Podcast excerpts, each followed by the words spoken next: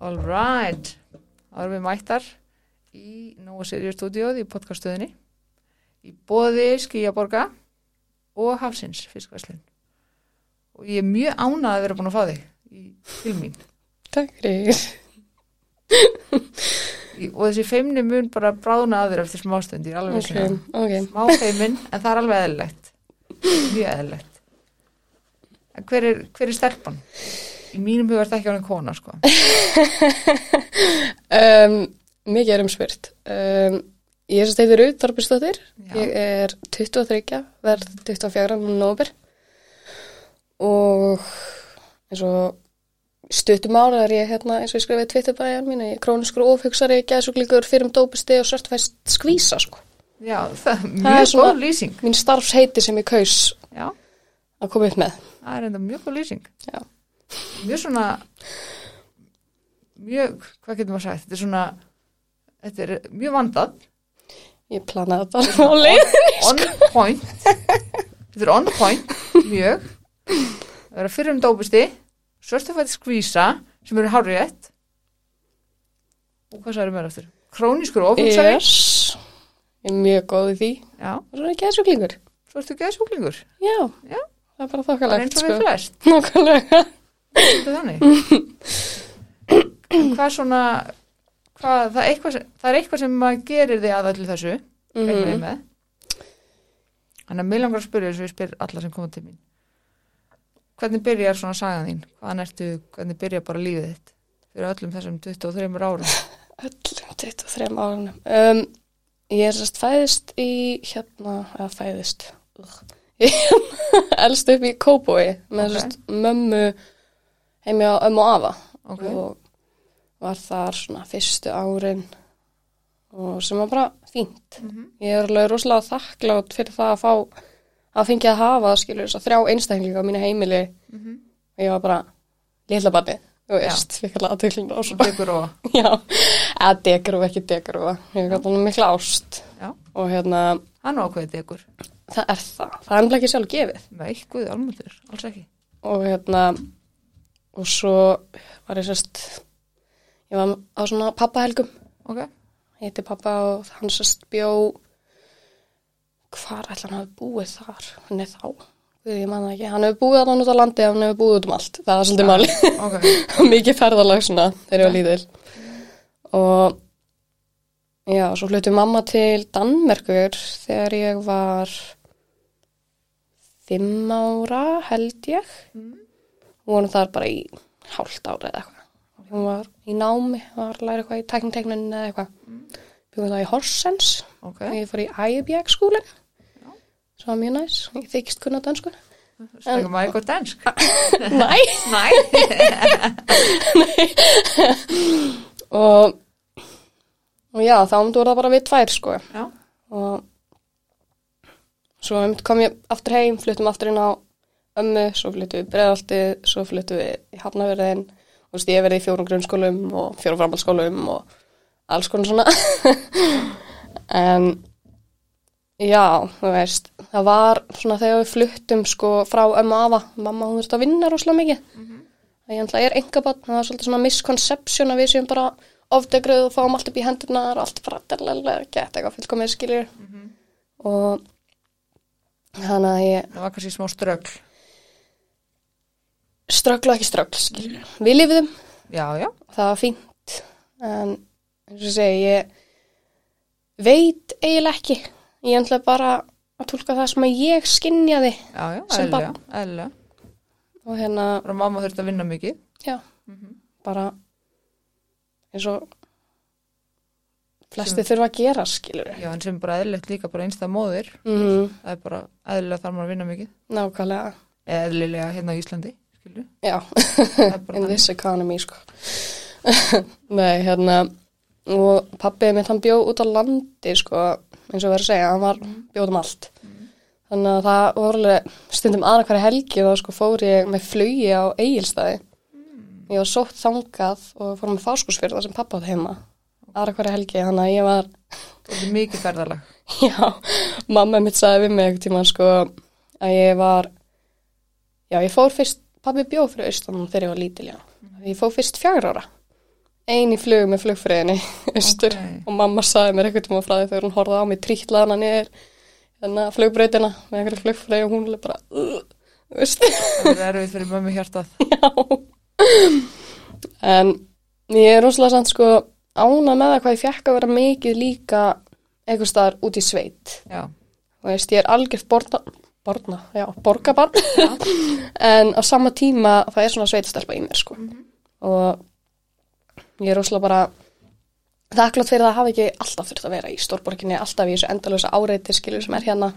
Og að fengi líka bara að þú veist segja bara, ég er að fara út. Ok, Þú veist að kynnast svona báðu. já. Og líka bara, þú veist, það er ekki alla mömmur sem að hleypa bönnum sínum fjórar og bara einum í flug. Nei. Eitthvað út á land. nei, Þannig að það er líka, já, þannig að má frelsi í því. það er það Og nefnilega hún hefur sko. greinlega treyst pappa einum, mm skilur. Þannig að mér finnst það bara fallegt. það er nefnilega málið sko, ég er rosalega ána með það sko að hafa fengið að vera hjá báðum fóröldrum Mm Algjörlega. og að hafa farið svona aðra hverja helgi til pappa hvar sem hann var, hverju sinni skilur Algjörlega. og Þrátt fyrir langt ferðalag. já, það var stókslega gaman Þetta er alltaf bara ævintýri fyrir lítið bat, sko. já, alltaf með svala og eitthvað. Oftast í vélinni. En nei, nei, svo bara já, ég veit það, ég var alltaf rosalega klár. Já. mjög klár. Ég hérna aftur að þjagra mér. Já, en þjagra fimm kannski þá satt ég á móti mömmu við eldursporðið og ég hafði fengið svona svona tölvuleik frá pappa, glóa gimburu svona lestrar eitthvað. Sita á móti mömmu við eldursporðið hún er að lesa blaðið, svo allt henni segir bara, já, er þessi hérna eitthvað stjórnmálakalla eitthvað að gera þetta? Og hún bara, ha? Hún vissi ekki að ég kynna að lesa. Hún hafði bara lært að lesa ykkur tölvu og amma á stundum að lesa fyrir mig og, og svo hefði bara verið algjör nörd sko. Já, þú er bara verið mjög bráðger. og alltaf kallið gömul sál og svona alls konar. Það er einhvern fyrst núna sem ég er bara eitthvað með eitthvað úlingaveiki og eitthvað skilur eitthvað á gelginni sko. Þið getur svona í öfuru röð. já, það er fínt. Já, það má. já, nákvæmlega. En já, eins og segi já, Hvernig var þá svona, þú veist, mikið flytja, já svolítið. Var þá svona einhvers konar rótleysi með þá eins og skólagönguna og hvernig gekk í skóla og... Sko í rauninni ekki, eins og ég sagði það hefði verið í fjórum grunnskólum. Og það var svo sagt, um, ég man ekki hvort ég byrjaði í kásinskóli Kópói áður en eða eftir Danmörku. Nei. og var þar bara eina önni eða eitthvað. Og svo fluttum við Hafnarfjörðin og ég var þar í tveim skólum í Hafnarfjörði fluttum ekkert alveg í svolítið tíma sko og skipti semst um skóla í nýjöndabæk bara af því að ég var bara, þú veist, ég var rosalega snemma fann að vera mjög kvíðin Já, og þú veist, ég held að ég hafi verið 8-9 ára fyrst þegar mamma hafði samband við hann geðlækni því ég var bara alltaf veik mm. var svo kvíðin Mhm. fyrir því að mæti í skólan og eitthvað Ok. er það eitthvað sem þú svona sérð eftir á af hverju var eða var þetta bara eitthvað svona... sko já, Ok, málið það að það var eitthvað mér fannst þess að væri eitthvað að mér.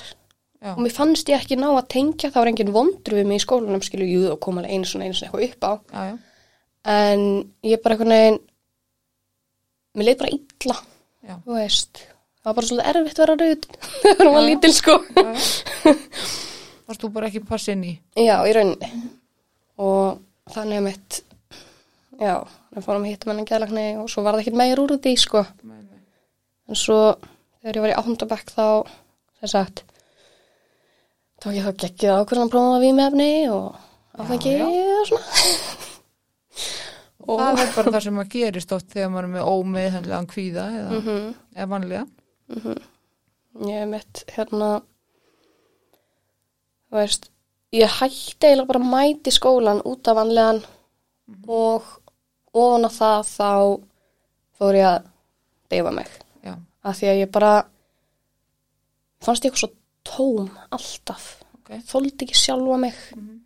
Mér fannst ég bara öðruvísi skrítin, í dag lít ég það að vera geggjaðar skrítin skilur, já, en fannst ég aldrei passa inn.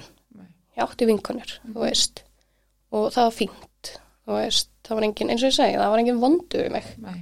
Og stekki lögði einelti eða, Nei, nei, mér fannst ég bara ekki fitta inn. Nei. Bara enga veginn, mér fannst ég alltaf einhvern veginn út undan, mér leiði alltaf eins og bestu vinkonur mínar, ég var ekki besta vinkona þeirra, mm, þó svo það hef ekkert andlega verið satt. Það var það bara eitthvað sem ég taldi með trúum, bara þetta var svakalega óryggi Mm og sem var til þess bara ég hætti að mæta og veist, fór í stræt og tók einn ring í stræt og fór að hafna fyrir niður í bæ og aftur baka þú að fara í skólan. Tók hann að stræt og hring kom heim þegar mamma var farin í vinna skil. og Og þar leðandi kannski, þegar þú er búin að draga þig svona mikið tilbaka, þá verður kannski á sama tíma ekkit endilega mikið eftirsókn að verður félagskapur. nei, örgulega ekki. Og nei, ég þú veist, ég veit samt eitt að sem er kannski ég veit ekki hvað þetta passar inn í eða hvaða hvaða tengingu þetta getur mynda en ég veit að ég skrifaði mitt fyrsta sjálfsvíksbref 10 ára. Tíu ára gömul. Já, eitthvað 10, 11, Já, 12 kannski. Og við datt allt inn bara núna í hug, skilur að ég var að tala um það að mér fannst þess að ég fytti að hvergi inn og veist, ég var bara komin á þann stað rúslega snemma að þetta var þetta lausn fyrir mig. Og nú var ekkert úr því sem byrði fer, skilur Ég fór bara út og fór svo að hoppa trampolínu með vinkonum minni, skilur Já. Það var bara, þú vissi bara ekki hvað þetta er að gera við þessa vanlíðan. nei, Rauninni. það er nefnilega málið. Og ég held um þetta þess vegna í rauninni hafi ég heitlast svona ógeðislega mikið af því að deyfa mig. Já, Þú veist, ég byrjaði að snemma að hérna stunda sjálfskaða. Og það sást svo vel Mm. stundum Mm og þú veist, það var tekið eftir og ég meina ég var svo sem sem ég, þú veist, fastagestur á bugl ef svo mætti kalla, sko, Já. mikið þar þegar hún yngri þannig að það Hvernig er fannst þér, hvernig er þín upplifun á bugl?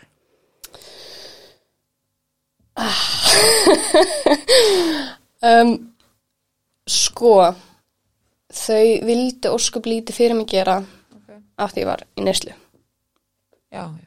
og á sama tíma þá vildi ég ekki hætta í neyslu. Mm þannig að ég lendi svolítið þarna bara á milli eitthvað skilur og ég man þú veist, jú, bugl var svo sem alveg þegar að ég var náttúrulega svo spórin núna seinna mér. Þau voru á einum lista hjá mér þar af því að ég man til einu atviki. Þar sem að ég fór inn ja, neðavistu þar eftir sjálfsvíðstjörun og ég var búin að vera þar í kannski fjóra, fimm daga þegar þau vildi bara senda mig heim. Já. og ég saði bara við þau, nei, ég tristi mér ekki til að fara heim. Mér líður ennþá eins og mér leið áður en ég reyndi skilur þau sendu mig samt heim og ég held að liði ekki einu svona í tvær vikur þannig að ég var komin aftur neða vistið. Þannig að,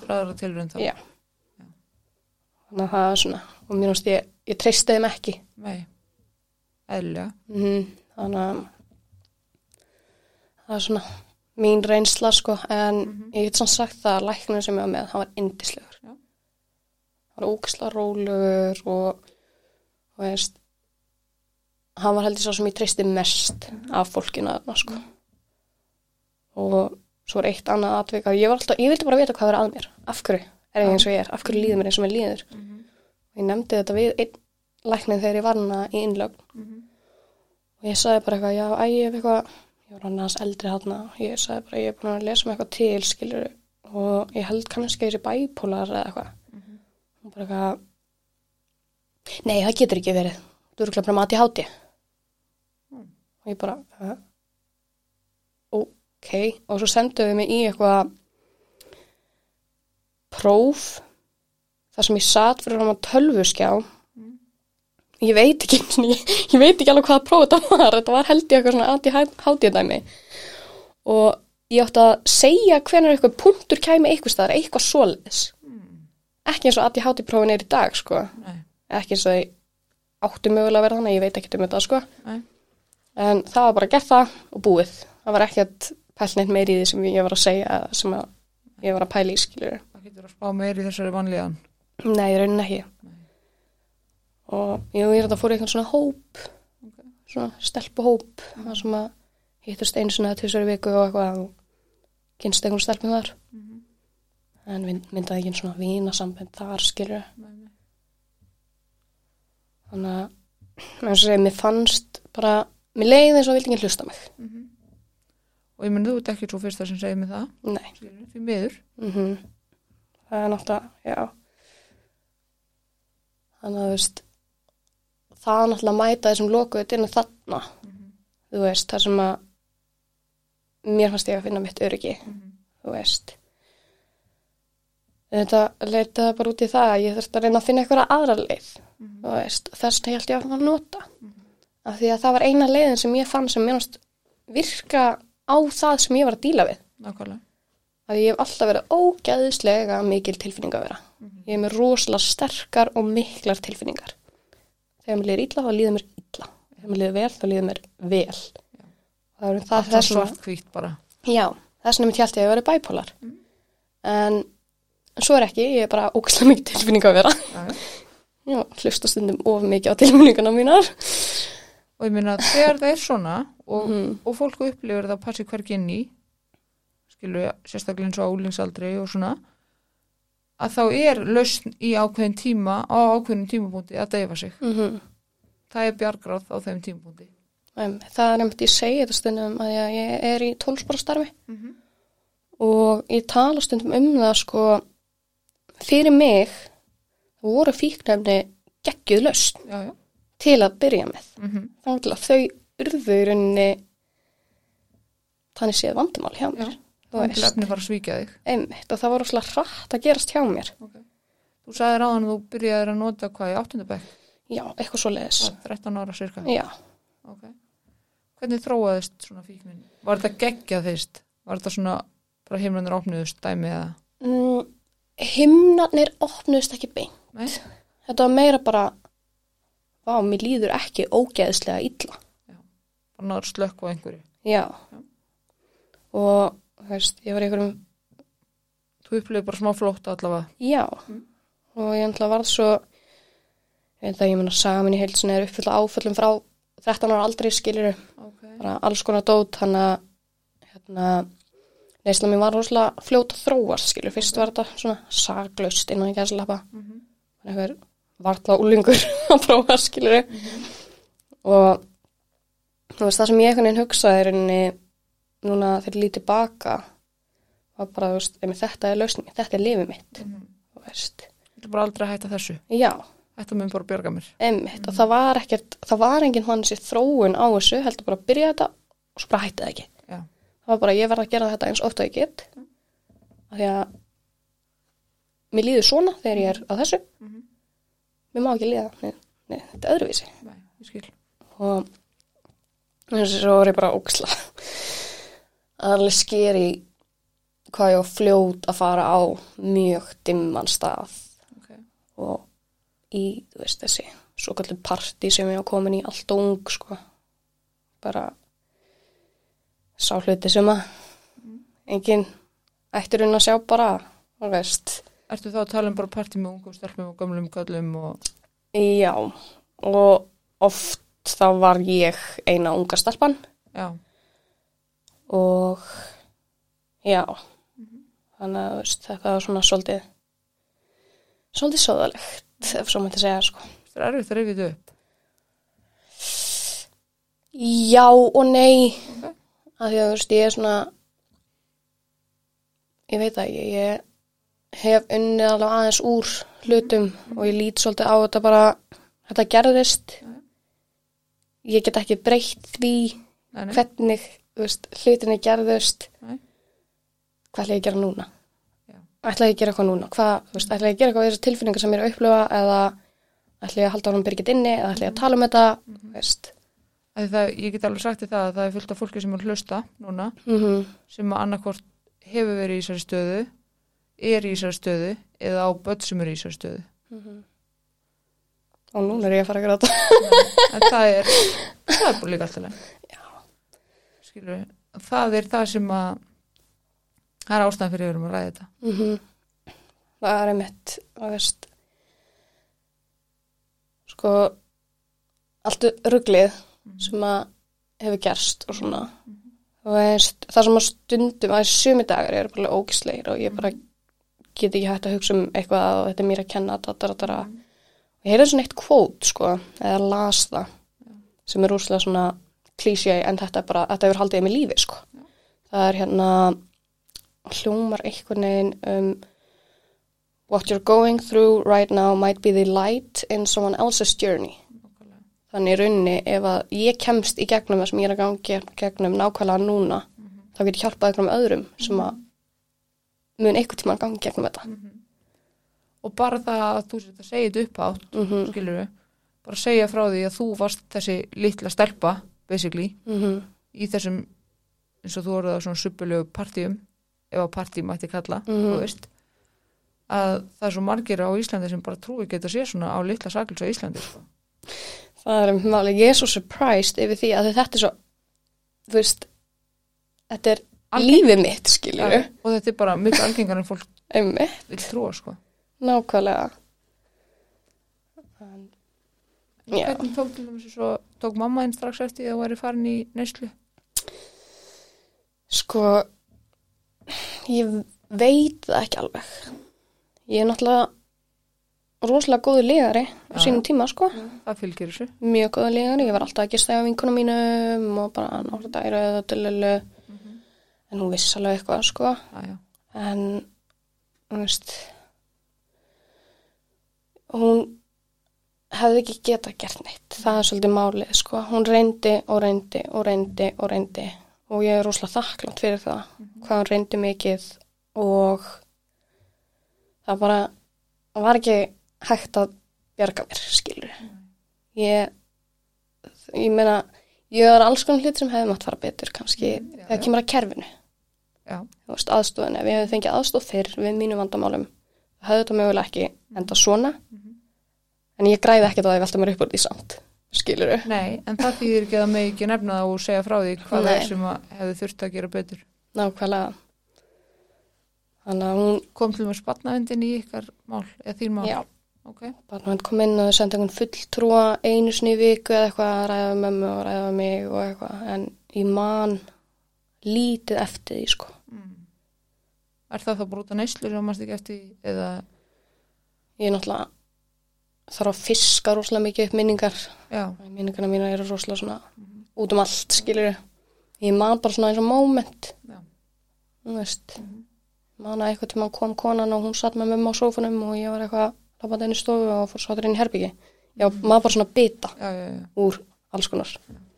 Ég er ennblótt með forvitin að vita því ég vann í mörg áfrið barnavend mhm, og ég var mikið að fara að hitta krakka eins og þú varst. mhm, þú Veist, og þá var ég mikið að vinna með það að fara bara með þau á rúndin, krakkana, bara spjalla við þau og, og svona. mhm. Um, og ég, það situr svo fast í minninu mínu að það var einn stelpa sem saði við mig hún var svo hissa því ég mætti bara í einhverjum joggingala eða mætti bara í einhverju veist, hún sagði þú ert ekki svona eins og barnaðendakelling Barna þetta kjalling og ég sagði hvað er þá hjælt hann að ég myndi koma í svona síðu pilsi og klossum. Já það er svolítið þessi staðalímynd sko. og mér fannst þetta mjög fyndið sko.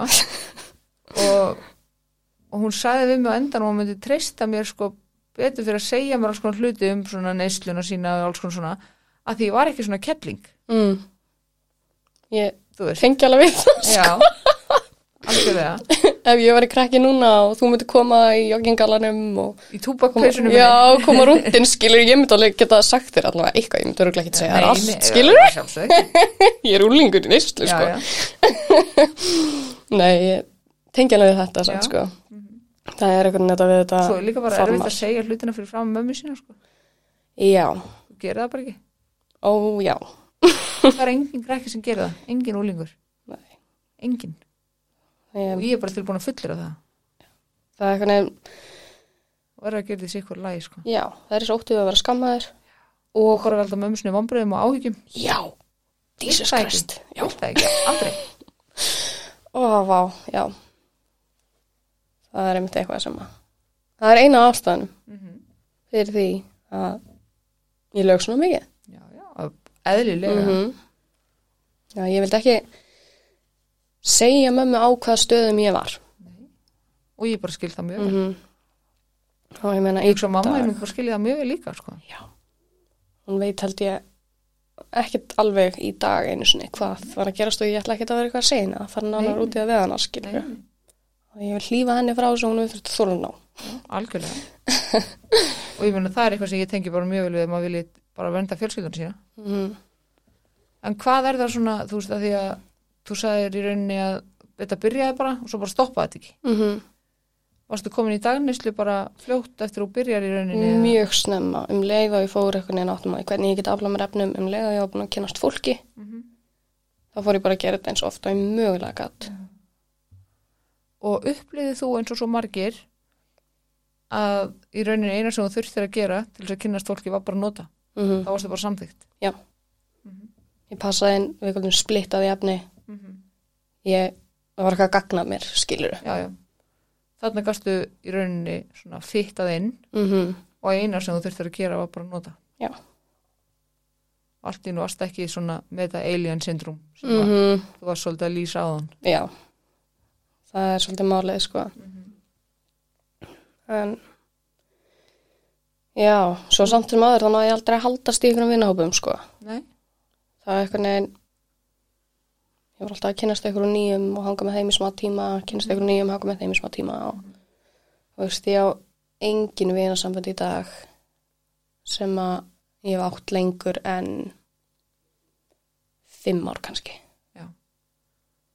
það er einn reynda sem er meira kunningi minn í dag Mm. sem að ég er búin að einhvern alveg bara mjög lengi. Við erum meira bara kunningjar í dag. En tengir það við að því þú segir þú varst alltaf svona skiptum hópa er það þá, var það þá tengt því hvað varst að nota hverju sinni eða, ég veit það ekki nei? Það gæti vel verið, sko. Það var reyndar, sko, það er svona einn hópur sem stendur svolítið upp úr hjá mér, Okay. sem að var, held ég, hvað lengst. En það var svona eiginlega í byrjun neyslunar, sko. Það var, held ég, eitthvað fjögur ár, þrjú, fjögur ár sem ég var í þeim hópin, ég var alltaf í öðrum hópum líka. En varstu, sagt, varstu alltaf eða svona lengstan part af þínum neyslu tíma, varstu þá yfirleitt alltaf með ykkur eldra fólki? Ekki til að byrja með. En þú ert náttúrulega frekar ung þegar þú byrjar. Já, til að byrja með voru kannski tveim, þreim, Fjórum árum eldri. Já. Já, samt alltaf eitthvað aðeins eldri. Já, mér minnir það, eins og segja, gæti vel verið að hafa eitthvað líka verið jafnkvæmlega mér, ég bara manna ekki. Nei, nei, nei. En þú talar um svona að sagaðin sé svolítið mikið litu bara af þessum áföllum. Já, alls konar, bara kemur svo bildi mikið að döðsföllum. Já. Ég til og með sérlega bara með svona mjög viðvitt minningu síðan 2016, þannig að vinur minn lest 2016 Ok. Úr ofsköndun og ég man bara eftir því að hafa staðið í jarðaförinu, það var allt svo tróðfullt. Stóð í fanginu öðrum veginn okkar og ég bara grét og grét og grét og grét. Og ég bara man þessa minningu, þú veist, ég man þessa tilfinningu. Og þú veist, eftir hvert og eitt döðsfall, þegar þau eru hún frekar mörg núna, þá þú veist, var það alltaf svo meiri og meiri ástæða fyrir mig að nota já. sem er samt svo galið af því að þetta fólk í kringum var að deyja út af neyslu Mhm. og mín lausnið að díla við þær tilfinningar sem komu upp þegar þau dó úr neyslu var að nota sjálf Og mér finnst ótrúlega mikilvægt að fólk átti sér nákvæmlega þessu að því að fyrir fólk sem skilur ekki vímöfnavanda eða fíknsjúkdóm eða hvað sem fólk vil kalla Mhm. þetta að þá meikar þetta engansens. Nei, En fyrir fólk sem skilur þetta þá meikar þetta fullkominsens. Að því þarna er eina leiðin sem þú kant mm er bara að deyfa þig. nákvæmlega Og þarna er bara mikil sorg, mikil vannmáttur og náttúrulega bara hrikalig vannlíðan og hvað áttu að gera annað? Einmitt, ég vissi ekkert Nei, af því að þú kannt ekki aðra leið, sko. Og þarna er þetta ekki búin að fá í hendunar neginn önnur verkfæri í rauninni mm -mm. til þess að takast á þessu sorg. Og eðlið málsins samkvæmt, eins og ég sé það, er að þú ferð og notar meira. Mhm, en ég get alveg lofa því að fólki í kringu þig sem var, er ekki með að díla við þennan vanda hugsaði potið, já, nú hlýtur hún að átta sig. Mhm, Þú veist, nú hlýtur hún að stoppa. Fyrst þessi vinnur er dáin fyrst þessi vinnur er dáin og örglega hvert eina skipti sem hún mistur eitthvað nálægt þér. Nú hlýtur hún að átta sig og hætta þessu neyslu. Mhm. en það virkar bara ekki þannig Ekki neitt, sko. bara alls ekki og ég myndi að þetta er náttúrulega bara saga nánast allra Mhm, þú veist og svo er þetta oft þannig að fyrsta döðsfallið er alveg svakalegt sjokk og annað og þriðja skilur. mhm, og svo er þetta orðið sko hluti af umhverfinu er algjörlega, alltaf hræðilegt sko algjörlega. Það verður bara svona, þú veist, maður aftengist. já, þú getur ekki liftir að verða svona rosalega vulnerable við hvert einasta döðsfall Nei, þú ert í þessu neysleimi nákvæmlega. af því þá myndir sjálf ekki lifa af. Mm Hann það líka sko veist, ég er allan persónulega sem Mhm. aðli með vímjöfnu vanda. Þú veist, mér er alveg sama þá að ég myndi verða eina þessum, fólk, eina þessum fólki. Jafnvel þó svo að ég var að upplifa þetta hóra okkur annan deyja út af þessu þá vildi ég ekkert annað en að deyja út af þessu. já. og það geti líka mynd spilað inn í þetta af hverju maður það bara og deyfið sér ennþá meira þegar eitthvað annar fellur frá. Þetta er ekkert svona, ó nei þessi dó þú veist, núna verð ég að hætta. Það er ekkert svoleiðis, þessi dó er einmitt, mér líði fokkin ítla Mhm. ég vil, þú veist þegar maður er að hugsa um að, þú veist, vakna hvernig degi vil drepa sér skilur þá auðvitað er þetta lausni fyrir maður já. og það meikar sens mhm, í mínum eirum sko. Mhm, Þú veist, það er auðvitað fullt af fólki sem er núna að hugsa sem er að hlusta bara guð minn góður. Já, Þú veist, 100% að sko. 100% en þetta er bara þetta er svo svakalega mikil vannlíðan mhm, og þetta er það sem mér langar svo ofbúslega mikið að fólk skilji. Veist, ég er alveg að rembast mhm, eins og rjúpa við eitthvað staur bara please nenni að skilja þessi veikindi. Mhm. Þú veist, fólk er ekki að velja sér það að veikast það fík sko, Jesus Christ sko. Bara alls ekki. Veist, og það er ekki hægt að segja nú hætti þú bara að nota. Sleppti ég bara að kaupa það næsta skam það er einmitt, þetta er einmitt málið. Fólk heldur að það sé svo auðvelt. Já, já, já, af hverju hættur ekki bara? Einmitt veist, þetta er eðalega lífið, þetta er eðalega fjölskyldunina þetta er eðalega öll þín tengsl í lífinu þetta er eðalega líka þín, hverju hættur ekki bara? Það væri engin úti að nota ef þetta virkaði svo nei, nákvæmlega. Þú veist svo ætla líka bara þessir ó, þessir ógeðslega fordómar gagvart þessu sko. Já, ég, mitt, ég er svona manneskja skilur ég er bara opinn út um allt um það. Já ég er, þú veist fíkill, ég er búin að vera edru í næstu 21 mánuð skilur, ég er ég er alls konar rugl. En ég er hérna. Og ég meina það hefur skilað sér. Og bara óbúslega vel gert. Til hamingi með það. Takk fyrir það. Og hvað var til þess og var stétrú? sko, Sleftur ég bara að kaupa næsta þessu? simpulega stætt sko, Já. já, Bara hættir. já, ég bara nefndi þessu ekki og ég bara hætti. Nei, sko ég, sem að reyna mjög oft.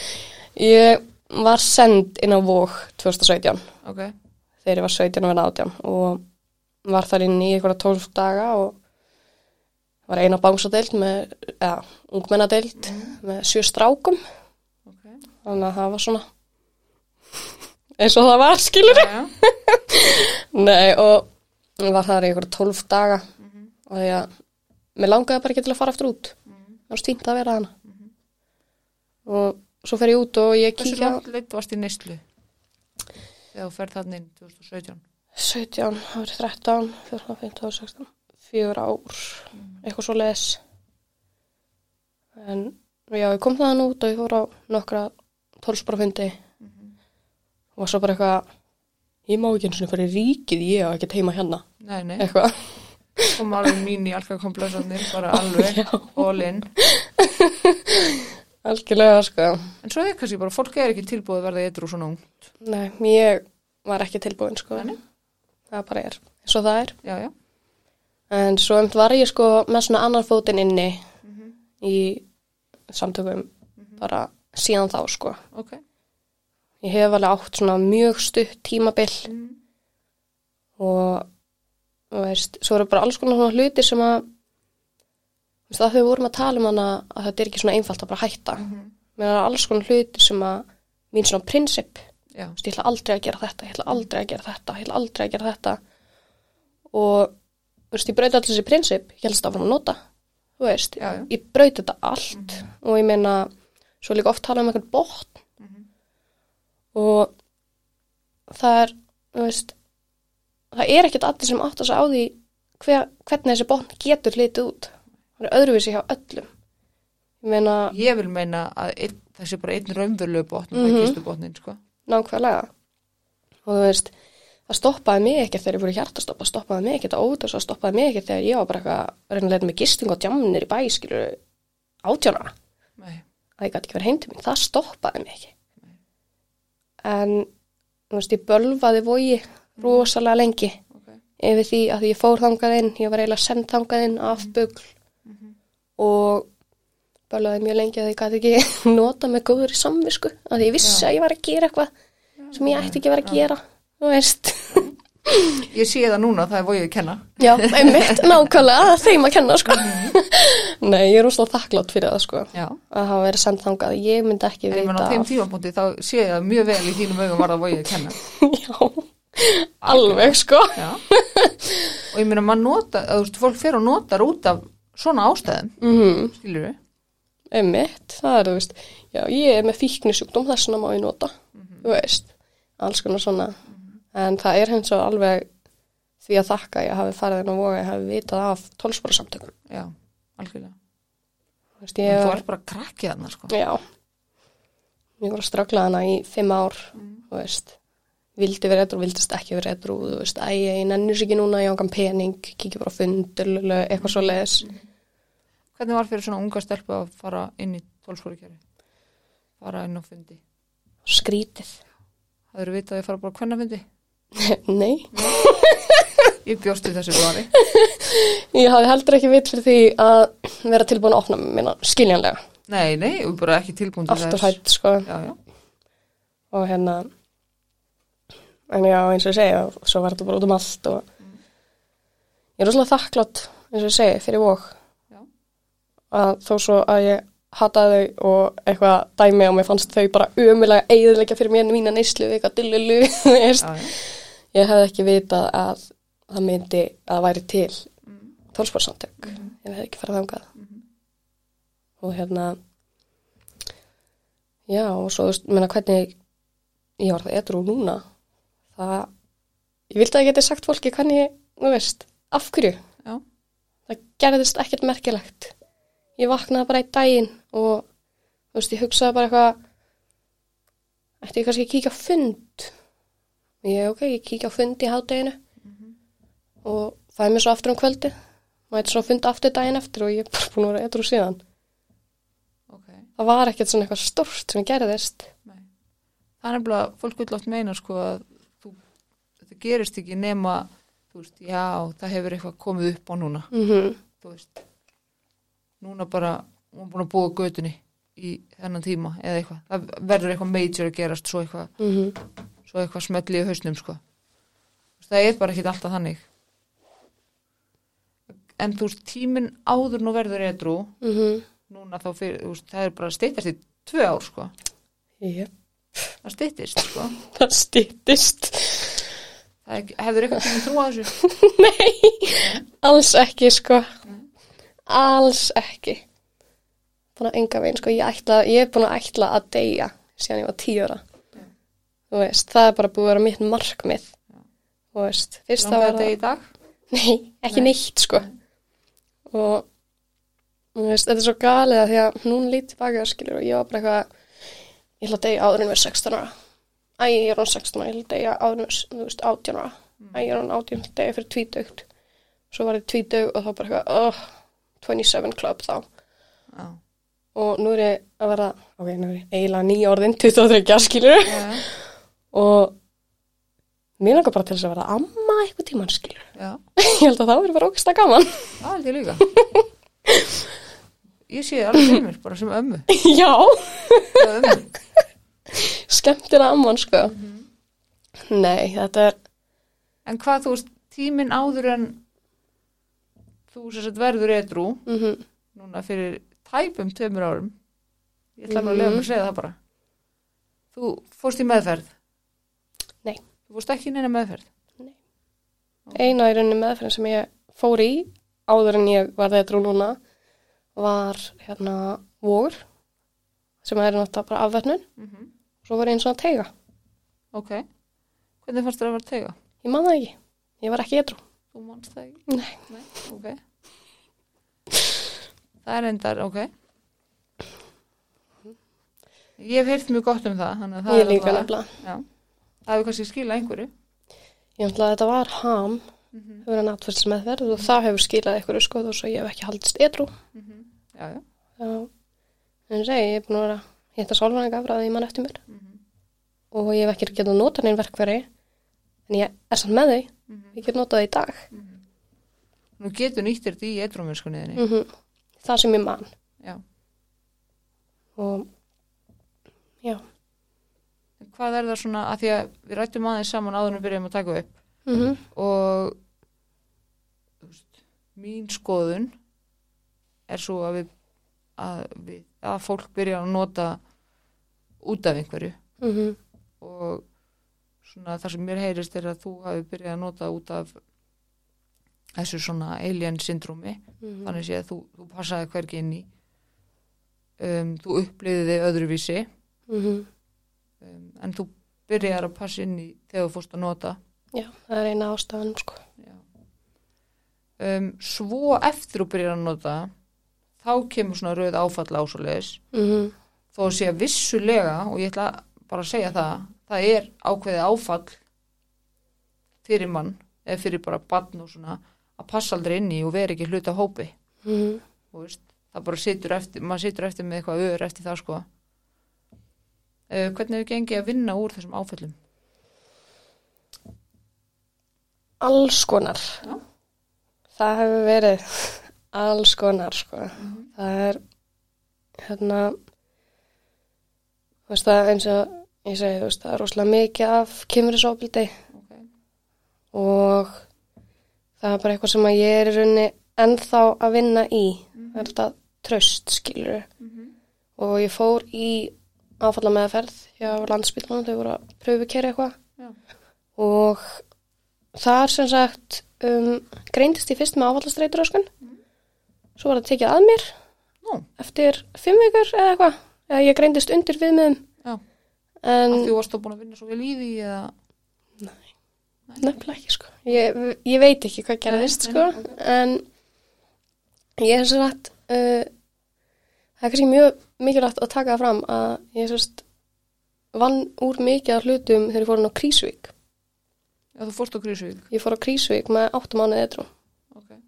því að vinkona mín hún fór hann á Krísvík eitthrú mm og þannig vissi ég. Ég kemst hann á Krísvík því að ég, nein, ég hafði unnið úr sko, ég byrjaði strax þegar ég var eitthrú að vinna úr öðru sem ég með. Hérna og það hjálpaði mér aðeins alveg svolítið mikið. Mhm. það var eitthvað, ég þurfti meira segja, ég hafði farið í þessa áfalla með þegar hún breytti einhvern veginn einhver fyrir mig. Ég var ennþá jafn hrætt, ég var ennþá jafn kvíðin skilur, ég var ennþá með átti jafn nærið með tröst og ég var ennþá að fara í kerfi þegar ég, þú veist heyrði eitthvað segja eitthvað sem að eitthvað af gerundum mínum hefur sagt. Já, veist, bara triggerast við alls svona hluti. Já. Og svo sem sagt, þegar ég var inn á krísuvík að ég kom eitthvað punktur í minni edrum sem ég var bara komin á botnin og mér langaði bara til þess að fyrirvara mér. Mm -hmm. edru og það er, ég ætla að grípa þennan punkt aðeins. Sorry. Um, það er ótrúlega algengt að fólk í edru göngunum sinni finni eitthvað botn. Mm -hmm. Og það er bara mjög algengt að uh, fólk sem er edru takja eigi líf. Já. vegna þess að það er ekki að fá þá hjálp sem það þarf. Nákvæmlega. Og það er bara ótrúlega sorglegt. Mm en þú gerir það ekki heldur leita að þeirra aðstofar Já. sem er vel gert. Það er mitt ég, sem vinkan mín hún er mikil fyrirmynd sko fyrir mig. Þegar ég heyrði það að hún fann að fara í neitra, þá var ég bara, ó, bara má það. Emmett, nákvæmlega og eins og segja því að ég var komin á annar stað í september í hitti fyrir að þar sem að ég einhvern veginn að ég tók prógramið allt inn til mín. Bara ok, ég á að hjálpa öðrum, ég á að hjálpa öðrum, ég á að hjálpa öðrum en ég glemdi öllu hínu að ég þarf líka að hjálpa sjálfur mér. Já, ég einhvern veginn nittpikkaði já, úr ok, ég þarf að fara að hjálpa öðrum. Ég þarf ekki að hjálpa sjálfur mér fyrst. Eins og sagt legit í prógraminu. Þurfum að hjálpa sjálfum okkur fyrst. Til þess að geta hjálpað öðrum. En ég var bara alveg að hjálpa öðrum og svo fór ég bara í veist, burnout, ég var að mæta á veist, ég var bara að mæta á það er svo skrítið að segja það, en ég var að mæta of mikið að fundum, þú varst bara í? Já, eins og við bara sagði. í fimm mánuði. Og eins og segi þegar ég var komið með átta mánuði eftir og fór ég sérst inn á Krísvík í sex mánuða meðferð. Vel gert, ég elska Krísuvík sko. ég líka mér dreymdi mitt ráðkjáða minn um daginn sko. bara þessi fyrra dag eitthvað. Hún var eitthvað hoppleipa hjóli og brosti til mín og ég bara eitthvað hei eitthvað. En já, allavega. Já, um, ég byrjaði að fara í vikudvölar. Já, af því að, þú veist, fyrir mig á þessum tíma þá var það, ok, ef ég ætla að fyrirfara mér þá ætla ég að detti það fyrst. Já, já, já. og þannig að þannig mitt var þetta. Og málið er að þannig var ég, þú veist, að því mér langaði ekki lengur til að deyja Nei, þess vegna leitaði mér aðstöðar Mm og hérna fer hann í vikudvöl og rekst á vin minn þar inni. Ok. þessi vinur svona sem var vinur minn til lók neyslunar Mhm. og hann fyrir að planta þessum fræðum í hausnum meðan ég er hann í vikudvölinni bara, já, það er ekki bara gott að þú veist, koma og vera enn sex mánuði og dörlulu og ég bara, eitthvað, "Jú, en þú veist, strákur sem ég er hrifin af kannski, kannski var hann komið nýja kærustu Já. meðan ég, þegar ég kem út hérna eftir sex dörlulu, ég ætla að vera í skóla skilur, Já. Hvað er lífið býður ekki eftir mig? já, nákvæmlega, hvað þá nei, nei, svo eitthvað neginn tók ég bara ákveðna meðan ég var hann inni, ég bara, ok veistu hvað veist, þetta er eitthvað lífið að dauða fyrir mig, Já, já. skilur Það er þannig. Þannig að ég pekir á gjáðan og segi, hei, um, má ég hérna koma í meðferð? Hún bara, já, bara, þú veist, þennan mánuða dag, þú veist, og ég bara, ok, svo gerði ég það bara, Ok, þú veist, ekki ekki. og, veist, ég er svo, málið það, þegar ég, það var í fyrst skipti, þannig að í september, sem ég leið ekki vel í vanleganinni, Mm. ef það meika sens. Já. Vanlegan getur verið comfort zone, sko. Uh, já, mitt comfort zone var algjörlega að liggja upp í rúmi, hugsa um það að fyrirfara mér. Mm -hmm. Mér leið best þannig Mhm. að því ég þekkti það. Mm -hmm. Og þetta var eitthvað í fyrst geta sem ég bara, ég vil ekki, Mhm. ég vil ekki, skilur. Og það er risastórt skref, sko. Mm Bara þú veist, fyrsta daginn sem ég vaknaði og fyrsta hugsun var ekki bara eitthvað, ah, fokk, ég vaknaði, andurskotin, skilur. Fyrsta daginn sem það gerist ekki, þá var ég bara, wow, hvað er í gangi? What the fuck, Já. hvað er að gera til það? Nei, þannig á Krísuvík, sko, þetta alveg bergaði lífið mínu, sko. Og þar fyrstu ykkur aðstofið að vinna úr Mm alls konar. Alls konar dóti, sko, það er mitt, þar finnst mér svona að ég hafi í alvörunni fengið að vinna á mínum áfællum. Þar fær maður aðstofið að vinna úr alls konar svona fokki bara, Mm sem maður er búin að lendi í. Já, það er rosalega, þetta er rosalega gott starf sem er þarna. Og ég hef fór þarna í bæði í hóp, hópavinnu áfalla og í einstaklingsviðtöl. Já, bara algjörum engli, hún er svo mikill engill sem er þarna, sko. Jesus Christ, sko. Og þarna líka var þetta, skilur, við vorum með eitthvað verkefni fyrir hóptímana, en svo var þetta bara spjall, einstaklingsviðtölinu. Og þar sagði ég eitthvað, hún spurði mig eitthvað, ég talaði bla bla bla bla, hún greip eitthvað sem ég sagði og stundum kom eitthvað svona, af hverju líður við svona? Og þá allt í henni bara, oh, shit. Uh, hún spurði mig eins og niður, hvenær byrjaði þér að finnast þú ekki vera nóg? Og ég bara, uff, það hittaði mig, sko. En, veist, hún hjálpaði mér að snúa við hugsunum, skilur við. Eða, þú veist, að leiða hann bara að koma, í kaffi, leiða hann svo bara að fara, þú veist. Af því að þó svo að það sé eitthvað gæja að labba hínum með götina skilur við sömu átt að ég þá þýða ekkit endilega hann sé að fara að ráðast á mig nei, þó svo að heili minna því þetta er bara varnakerfi mitt sem er að reyna að berjast við og reyna að verja mig Þetta er bara survival mode, sko. emmitt Og það er alveg meirin að segja það að, að losa sig undan því. mm Það þýðir ekki að segja ekki hægt.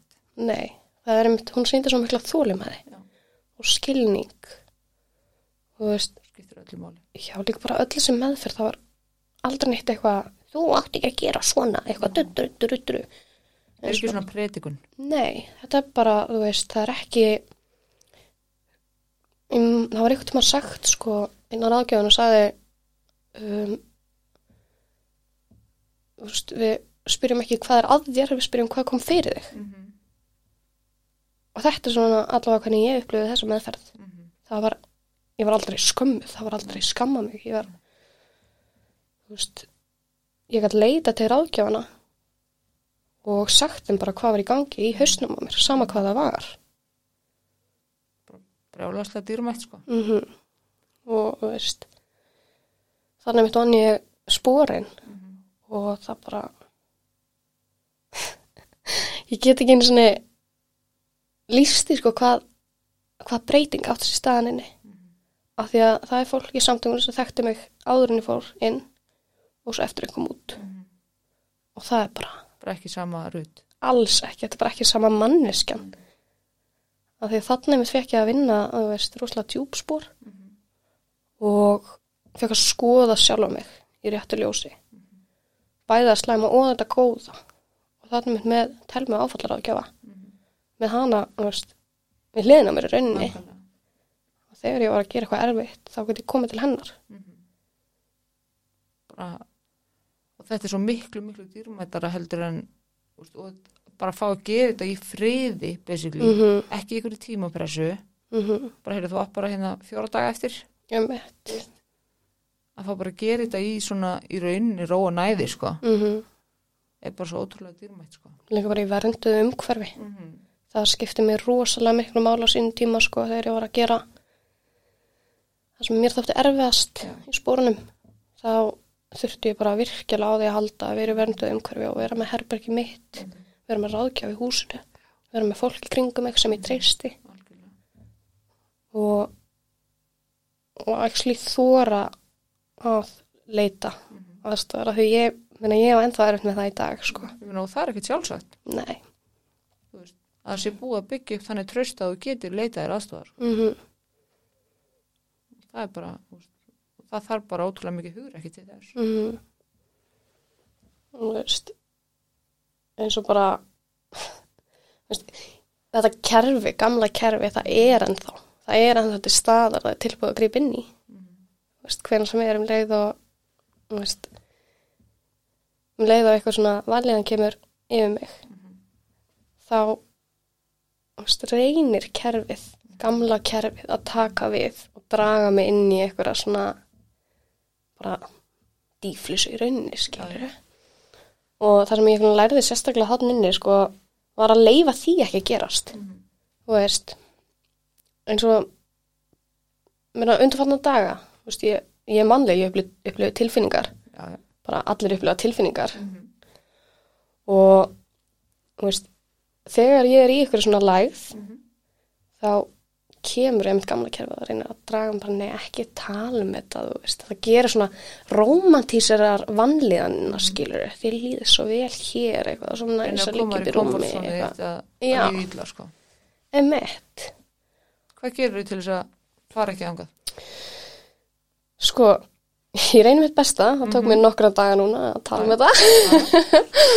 En þú veist ég held áfram. Það er svolítið mála, það er eitthvað sem ég líka sem er bara hvað mikilvægast fyrir mig í dag það er, það er tenging. Að vera tengt bæði sjálf mig og aðra. Og svo er ég með æri mátt sem að ég trúi fyrir mín lífi sem ég held að ég myndi aldrei segja. Mér fannst það svo kjánulegt Já. en núna er ég bara eitthvað, þú veist, náttúran. Já, já. þú veist, whatever. Og þú veist, ég þarf að vera í tengslum við þetta allt. Af því að um leið og ég missi tengingu ef ég missi tengingu við sjálf á mig þá ætla að missi allt hitt líka. Ef ég missi tengingu við aðra þá missi ég tengingu við sjálfa mig. Þá missi tengingu, þú veist, að ég þarf þess að stöðu í speiklun þannig að ég bara hann er búin að læra það að láta fólk vita ég er mjög pikki á fólki í kringum mig. Svo gott. já, ég vissi það ekki fyrir en bara inn á krísu og ég má velja með vini. Mm ég þarf ekki að vera vinkona allra. Nákvæmlega. ég get verið góð við alla en ekki vinkona þeirra. Maður var að kurti sem maður þarf ekki að leipa um myndi sín, sko. Nei, nákvæmlega, ég var svolítið bara eins og opið hús á tímubili, skilur ég bara, viltu vera vinur minn, ok, veist. En, já, það sem ég gerir í dag er bara, að tala ég bara, ég tala um það sem er í gangi ég er með mína trúnaða vini, skilur sem að ég get bara hringt í hvernig sem er og sagt bara, hei þú veist, mér líður svona ég veit ekki af hverju, mér langar bara til að segja þetta. Og þú veist, oft það er ekkert sem neitt annar getur gert að þetta er bara tilfinning sem ég það bara að lefa að koma og lefin svo að fara. En það er svo gott að eitthvað viti það. Það er bara svo oft, bara svo mikið, sko, heilunni bara segja upp átt, sko. mm nákvæmlega. Eins og það er oft kallað bara svolítið svona að klaga sig, já, þú veist, bara segja frá því. ég gerði það mitt í geri, ég sagði mitt, ég verði að klaga mig. Já. það þarf, það þarf oft ekki að gera meira en það. mm -hmm. en náttúrulega líka samt sko máli með eins og þessar tilfinningar þessar slæmu tilfinningar sem koma. Að þú veist, eftir alla þessa vinnu, eftir þessa ég fór í dialektiska atverðsmeðferð ég er búin að fara í áfalla vinnu, ég er búin að fara í meðferðin á krísu, ég hef vunnið 12 spór ég er eitt af sálfræðing og veist mér langar ekkert til þess að fá mér Nei. sem er geðveikt galið konsept fyrir mig Mhm. af því að það var það eina sem ég hugsaði um. Já. allan daginn, alla daga ég verði að fá mér en í dag þá veist, jú, það kemur alveg einhver hugsun eitthvað skilur, hm, það er kannski sniðið að gera þetta og ég bara eitthvað, nei nenni ég því? nei, ég hef ekki efnað þessu skilur Bara, það, bara, en það er svo mikilvægt að átta sig á því að það er svo eðlegt að þessi hugsun komi. mm -hmm. Af því eins og bara Bjarki sem var hjá mér í þinn daginn, hann, þegar hann fór að hugsa um þetta sem bara svona gamlan félaga, Mm sem var bara, einu sinni var hann rosa hjálplegur, en Mhm. er það bara ekki í dag, þá hætti hann að stressa sig yfir þessum hugsunum. já, nákvæmlega mjög góðu punktur hjá honum. það er alveg geggjaða punktur sko Mhm. og þú veist, þetta er einhvern veginn það að hætta að hugsa um eitthvað virkar ekki. Nei, hættu bara að hætti hugsa um bara að pæla í þessu. einmitt, Þá þá hugsa maður stanslust. um, þess einmitt eins og ég held náttúrulega að vera áfættanagjan einmitt sem sagði, veist bjöðum í kaffi, svo með það bara að fara. Og einmitt þetta, gaml félagi þú veist. Bara, takk fyrir ámynguna, en, en nei takk. mm Annað í dag sem ég nota. einmitt, það var líka eitt sálfræðingur sem ég var að hitta þegar ég var nýjára netru sko, fór að tala um svona intrusive thoughts, alls konar svona eitthvað, skeri hugsanir hún sagði um stundum bara hlæja. Og ég hef alveg fengið einhverja hugsanir í stræt og veist, eins og bara ok, það er svolítið síðan var ég eitthvað að fatta að já, ég glemdi að taka lífið mín. Og það var bara, að, farðu bara að kefti þetta. Og ég bara, ha? Í strætó skilju Einmitt. bara eitthvað svona. Og ég, einmitt, það er alls konar Já. einmitt, ráðgjafi, saði einmitt það sem þú veist að segja núna. Með að hérna segja bara já, takk fyrir þetta en nei, virkar ekki í dag. nei, ekki núna það er eftir einmitt svo ég veit ekki, mér finnst allt bara svo galið mér finnst gett galið að sitja hérna Mm. ég er bara eitthvað, ég er út eitthvað, þetta er ég eitthvað, veist Búin að- Varst búin að síkrita það til þín? ha, Varst búin að síkrita það til þín? síkreta Já, hugsa um það, það kemur að þig. já, já, það er rétt nei, þú veist þetta er svo eitthvað þetta er svo fjárstæðakent Já, en spáði samt í það að þín saga sem var ekki auðveld, mm að hún kemur til með að að hjálpa fullt af fólki, sko. það er nefnilega það sem ég heldur mér stundum á mínum erfiðu dögum. Mm þess vegna myndi var ég meir en til í að koma. Já, af því að bara þú veist, ef að þú veist það sem að ég hef gengið í gegnum getur hjálpað einhverjum öðrum þá vil ég að gera það Já. og ég meina þú veist, ég hef alveg fengið fólk lát, eða, látið, vá, nei fólk hefur alveg komið til mín og sagt bara, hei, ég sá að hérna þú, döttur, döttur, ég er gangi gegnum það sama, já. hvað gerðið þú? Mm Þannig að vinkona mín, hún leitaði til mér þegar ég var búin að rétru einhvern tíma og sagði, hei, mér langar þess að rétru. Hvernig fórst það þessu? Það ekki dýrmætt? Þetta er það sem, einmitt, eins og ég segi, heldur mig stund bara gangandi þegar ég er upp um mitt versta. Því meina, ég á alveg mín tímbina sem er líðið okkur slítla eðlilega. Einmitt, ég er mannleg. Maður verður ekki bara etru og, og lífið verður bara hérna, rainbows and unicorns. Nei, þetta væri það líka leim það er bara mjög skrítið sko. Uh -huh. Þú lífið er bara ekki þannig. Nei. En þú veist, á sama tíma, sko, þá, ég veit það ekki, og ég veit ekki hvað það að segja. Er þetta er svolítið hvernig ég er almennt, ég veit aldrei hvað ég er að að segja. Nei, þetta er rosalega gefandi, sko, og þetta er líka, sko, það sem ég langar til þess að verða í lífinu. Og það sem ég er að verða. Ég meina, ég er byrjuð að geta gert það, því að það sem veitir mér lífsfyllingu, það sem er henni gefið mér hvað mest það er að hjálpa öðrum. Komast í gegnum alls konar erfiðleika og þú veist ég er núna stefnaði að vera sálfræðingur. Ok, vel gert. Ég er í hérna fjölbröði ármóla fjölsfræðibraut já, það er ég færum að gera loksins. Nákvæmlega, ég meina þú hefur ekki getað það fyrir tveimur árum, Nei. skilur ég reyndi mér að segja fyrir sko hvað? Já, ég reyndi eftir að ég varði trú. Mm. það gekk ekki. Það tekur bara heilan svolítið tíma að koma tilbaka. Já, og veist, og núna hvernig er ég að sjá fram á það, veist, ég er að finna aftur þennan góða námsmann mm. sem ég var þegar ég var yngri. Mm -hmm. Veist, ég er bara að skipulegja hvernig ég ætla að læra fyrir hvað og mér gengur ógustlega vel, ég er á góðar ynganir, ég er að leggja mjög hart að mér, en ég, að, ég er ennþá að finna jafnvægi. já, ég meina það tekur líka bara tíma Mm Ég get ekki beðið eftir að vera tveggjara og þá mun ég bara vakna og allt verður bara jafnvægi og allt verður fullkomið skilur, það er ekki að segja.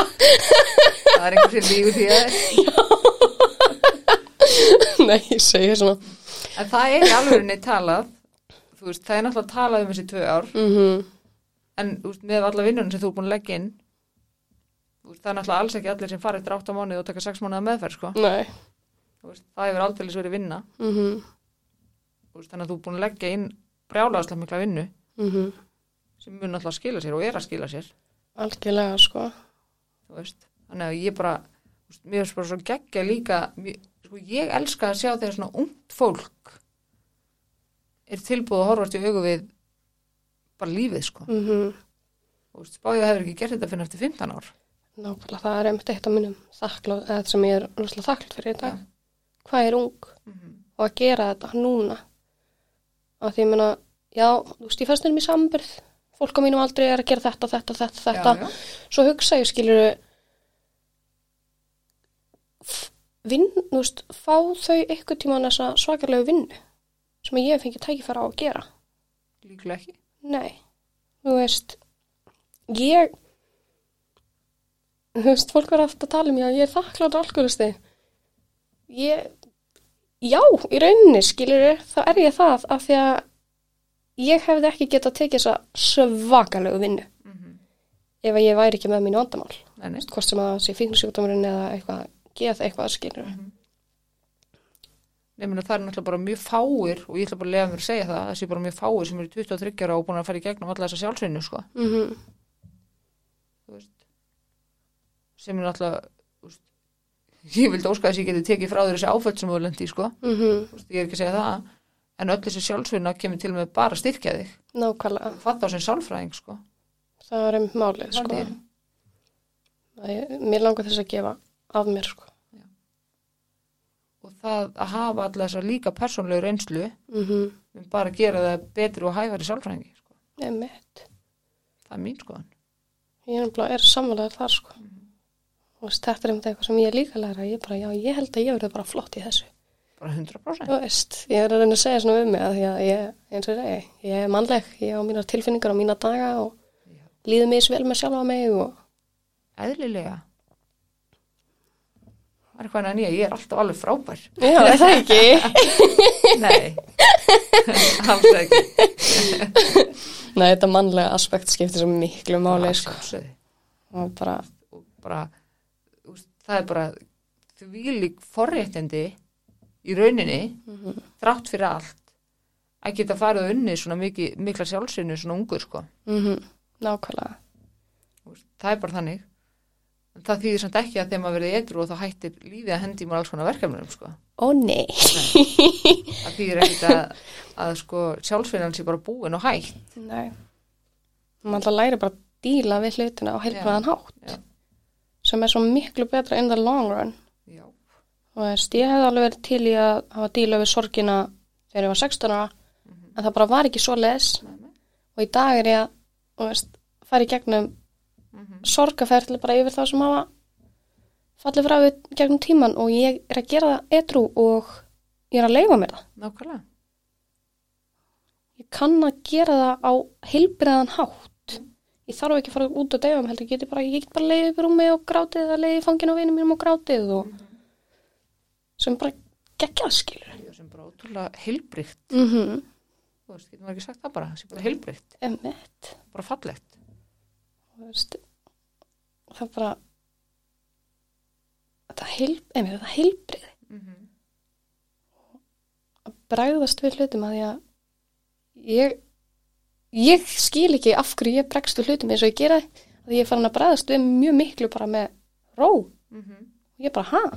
What the fuck? Það? en svona er ég líka algjör dramadrottning og veist, það er Já. bara þannig Þú ert að- þú taka gelgin út núna, sko. nákvæmlega Það má. certified squeeza sko. Nákvæmlega. Það er reyndar hárri Ég held að sé bara ágætis lokaord hjá okkur. Er það ekki? Jú, byrjunar og lokaord. Er það ekki? certified squeeza baby Bara takk æðislega fyrir að koma til mín. takk fyrir að Segja fá mig. Þú veist, geggja. Bara gangið er óbúslega vel. takk fyrir sem leiðis Takk fyrir. takk